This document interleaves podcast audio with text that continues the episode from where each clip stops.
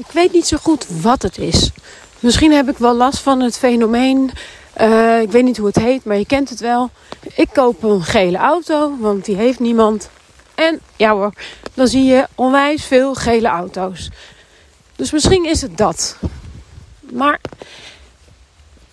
ik heb de laatste weken te maken met mensen die eh, dingen zeggen waarvan ik denk: zo. Ja, ik loop trouwens in het bos met een hond. En het regent. Dus je kunt wel wat druppels op de paraplu horen vallen. En soms moet ik de hond even roepen. Want die moet natuurlijk wel weer mee naar huis. Het is trouwens een hele lieve hond. En hij luistert goed. Dus alle vertrouwen. Maar wat bedoel ik nou? Eh, nou, het lijkt net sinds dat corona een soort van eh, weg is. ehm, dat mensen zich kwetsbaarder op durven te stellen.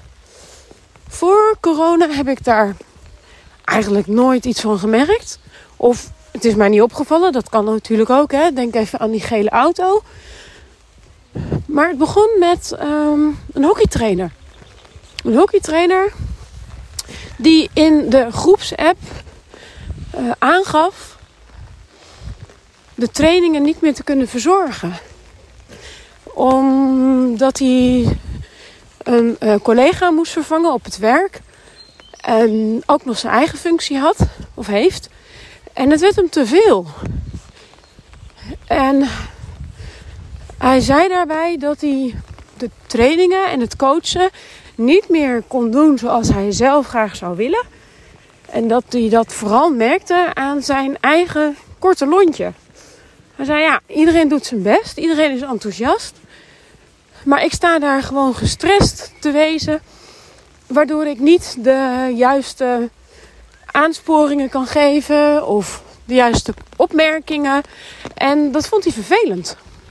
Niemand had dat nog echt in de gaten, maar hij worstelde met zichzelf.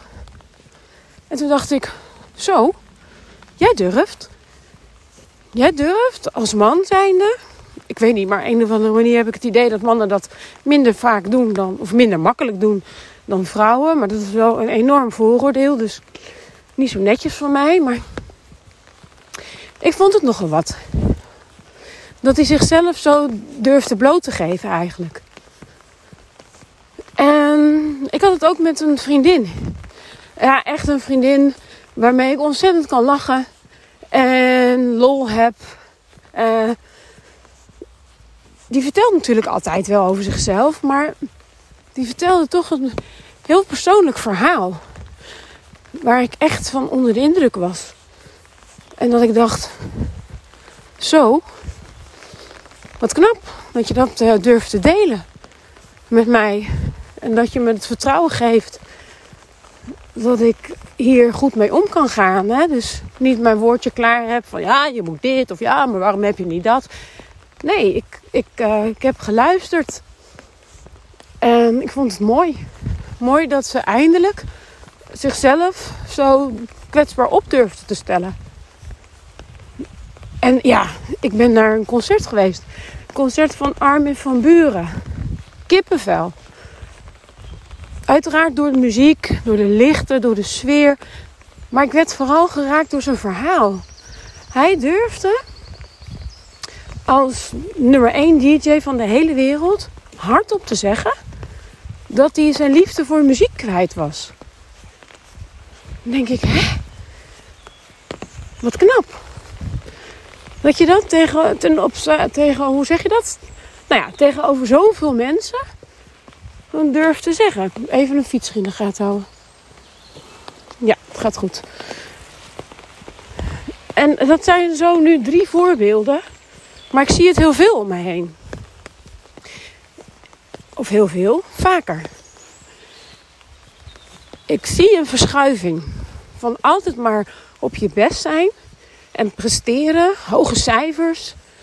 Gaat het nu meer om ja, hoe je je voelt. En of je op je plekje zit. Er zijn een heleboel mensen die in de afgelopen tijd van corona tegen zichzelf aangelopen zijn. Sommigen op een kleine manier. Maar sommigen werden ook geconfronteerd met dingen die ze eigenlijk altijd wegstopten. En dat ging makkelijk, want ja, ons leven zat vol met uh, afspraakjes, werk, vrienden. Ja. En door corona viel een heleboel weg. Er kwamen er gaten in agenda's.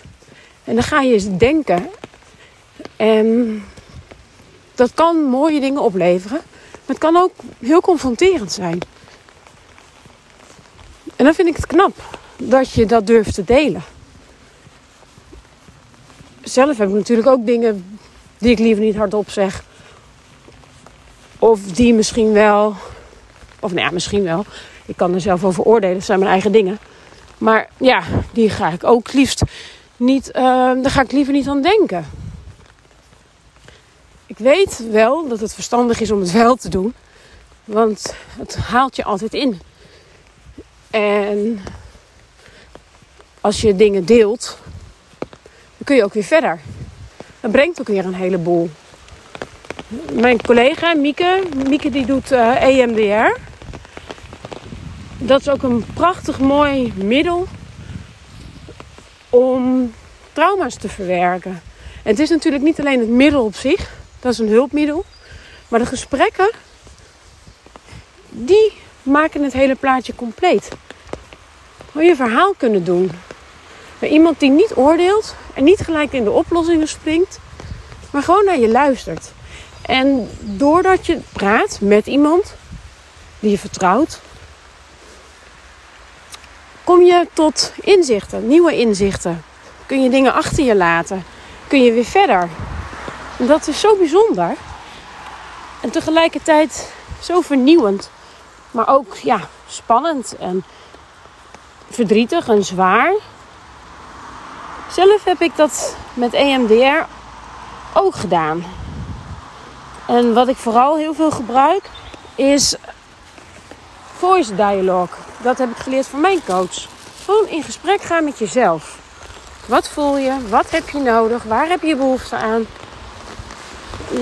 Dat is ook lastig om te doen. Dat moet je ook een paar keer, of moet. Het helpt als je dat vaker toepast. Maar het aller, allerfijnste vind ik toch om met iemand in gesprek te gaan. Iemand met een luisterend oor en een brede schouder. Heb jij behoefte aan een luisterend oor, een brede schouder? Of zit je te denken aan het volgen van een aantal EMDR-sessies? Kijk dan eens even op onze website. Vooral het verdiepen in EMDR zou ik je aanraden voordat je daaraan begint. Dat kun je op eigen houtje doen. Er is genoeg over te vinden. Maar je kunt ons ook bellen voor informatie. Wat ik je mee wil geven in deze podcast is blijf niet lopen met de zorgen die je hebt. Of het verdriet wat je voelt. Het lucht altijd op. En het geeft echt ruimte in je hoofd voor nieuwe positieve ervaringen. Ik hoop dat deze podcast je helpt om die drempel over te gaan. Veel succes!